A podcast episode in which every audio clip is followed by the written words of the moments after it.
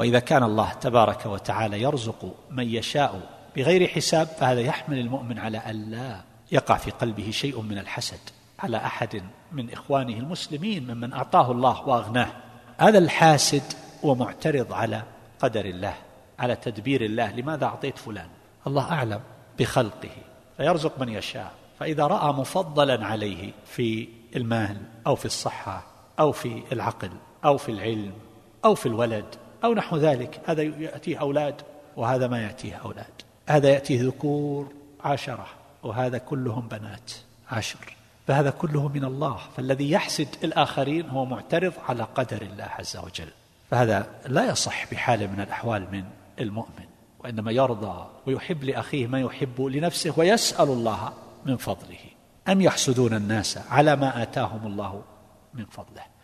لا يحسد الإنسان الآخرين على عمل آخرة القبول عند الله تبارك وتعالى لكن فيما يظهر من القبول في الدنيا من دلائل القبول وعلامات القبول والمبشرات وما إلى ذلك أن الله إذا أحب عبدا في السماء نادى في أهل السماء ينادي جبريل عليه الصلاة والسلام إن الله قد أحب فلانا فأحبوه فيوضع له المحبة في السماء ثم توضع له القبول في الأرض. بعض الناس إذا رأى أحدا له قبول أحبه الناس أو نحو ذلك تحرك كل شعرة في جسده يعاديه وينتقصه ويبغضه ويبحث عن مثالبه.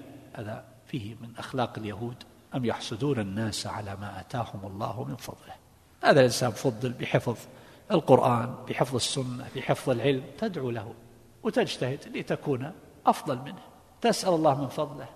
أما ما يتغابط أو يتحاسد به الناس على حطام الدنيا فهذا لا يستحق أصلا. لكن من كانت نفسه تتوق إلى هذه المطالب فينبغي أن يتوجه للمعطي الرازق سبحانه